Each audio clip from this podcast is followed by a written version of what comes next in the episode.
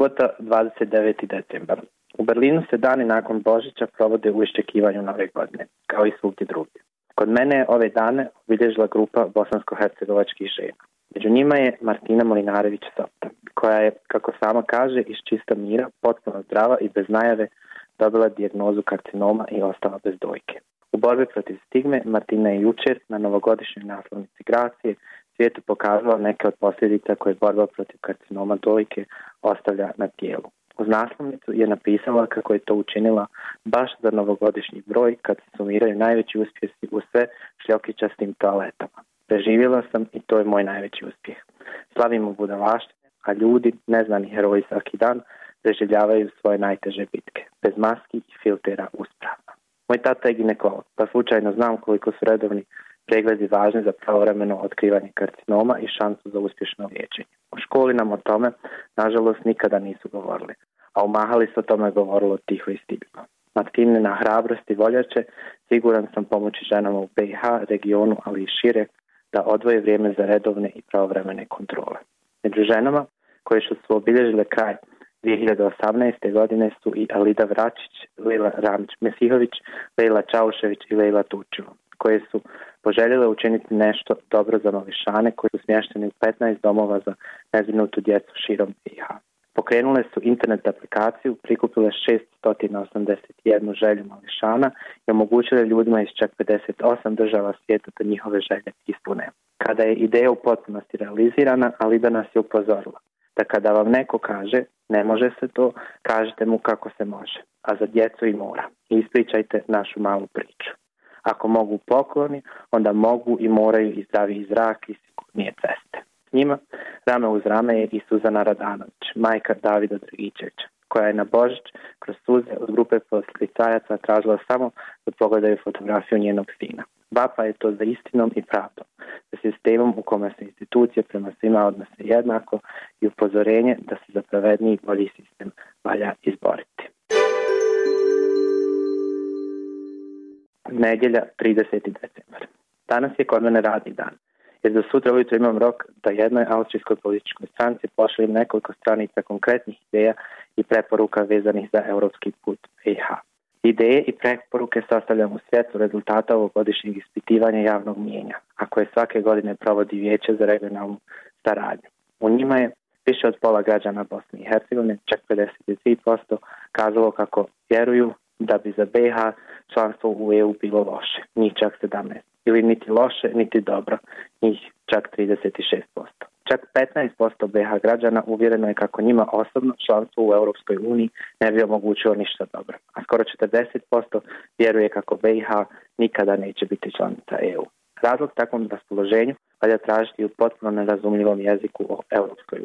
Jezik upitnika, odgovora na upitnik kandidatskog statusa, pregovora, otvorenih i zatvorenih poglavlja, često je nerazumljiv čak i onim koji se svakodnevno bave EU integracijama.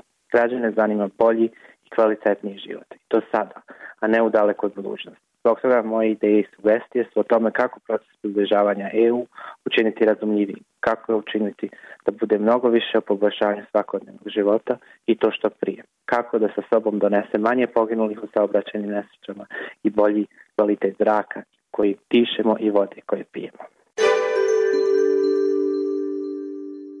Ponedjeljak 31. decembar. Novu godinu dočekujem u Beču. Do ponoći sam sa grupom prijatelja s kojim sam prije 15 godina krenuo studirati u Gracu. Većina njih rođena je u Bosni i Hercegovini i državama bivše Jugoslavije. Niko od onih koji su nakon studija ostali u Austriji ne planira povratak u region, a oni koji žive u regionu ozbiljno razmišljaju o odlasku. Razlog? Kombinacija loše kvalitete trenutnog života u regionu i nedostatak vizije i nade da će se u razumnom vremenu situacija poboljšati. Nakon ponoći sam kod prijatelja iz Berlina. Domaćini su nam par iz Berlina. Njemci u ranim 30. koji su prije tri godine radi posla došli u Beč. Nakon što su prošle godine dobili bebu, kažu mi kako ne planiraju povratak u Berlin. Razlog? U Berlinu ne mogu pronaći posao i kvalitet života, od javnog prevoza i zdravstva do uređenosti parkova i školstva kakav imaju u Beču, gdje kažu mi da mlade porodice život daleko ugodniji. Utak 1. januar.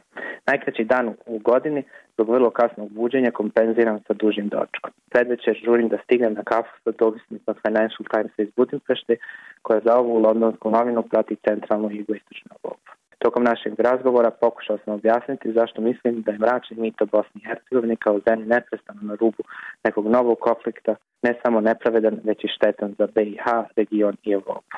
Svijetu BiH kao crne rupe regione Europe, oni koji odlučuju o tome da li da posvete vrijeme i resurse za BiH, uvjereni su u nemogućnost promjena u BiH, kada od BiH ne treba očekivati ništa pozitivno. Uspjehom smatraju činjenicu da su se Dejtonski mir i demokratija održali i preživjeli bez obzira na bezbrojne najave njihovog kolapsa.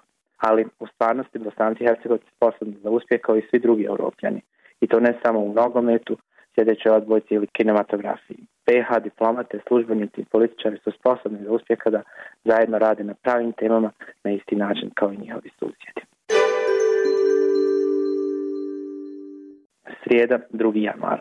Jedan od problema iskrivljene slike u Bosni i Hercegovini na rubu konflikta je i što odvlači pažnju od pitanja koja su prekomplikovana da bi se stavila u kontekst nacionalnih teza, tenzija i nasljeđa rata zdravstvena zaštita, jedno od najvažnijih pitanja bilo koje moderne države je dobar primjer. U BiH je to uglavnom kantonalna nadležnost, gdje postoji 13 zavoda zdravstvenog osiguranja. Tokom 2015. ovi su zavodi potrošili oko, oko 1,1 milijardu eura. Zavode nadgleda 13 vlada. Ove vlade imenuju upravne odbore koji se sastoje od predstavnika zaposlenih, zdravstvenih radnika i osiguranika.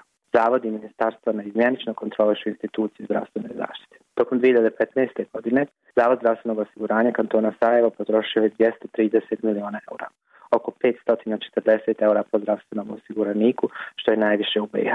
Danas čitam o sjednici nove vlade kantona Sarajevo. U planu ove vlade stoji kako će provesti relativizaciju rada zdravstvenih ustanova s ciljem podizanja efikasnosti u pružanju zdravstvene zaštite i poboljšanja položaja zdravstvenih radnika. Da bi se to dogodilo, nužno je krenuti postavljati i nuditi odgovore na neka osnovna pitanja o zdravstvenom sistemu u kantonu Sarajevo. Kako funkcioniše postojeći fond, njegova uprava i institucije zdravstvene zaštite koje kontrolišu? Da li postoji najbolja praksa u BiH, regionu ili EU na koju se mogu ugledati? Kako to da kanton Sarajevo sa manje osiguranika ima za trećinu veći budžet i daleko veći broj zaposlenih od Tuzlanskog kantona? Zašto je to tako? Kakva je struktura zaposlenih, odnos medicinskog i nemedicinskog kada? Da li i kako odlasti medicinskog kada u zemlje EU utiču na sposobnost zdravstvenog sistema da odgovori na potrebe osiguranika. Četvrtak, 3. januar.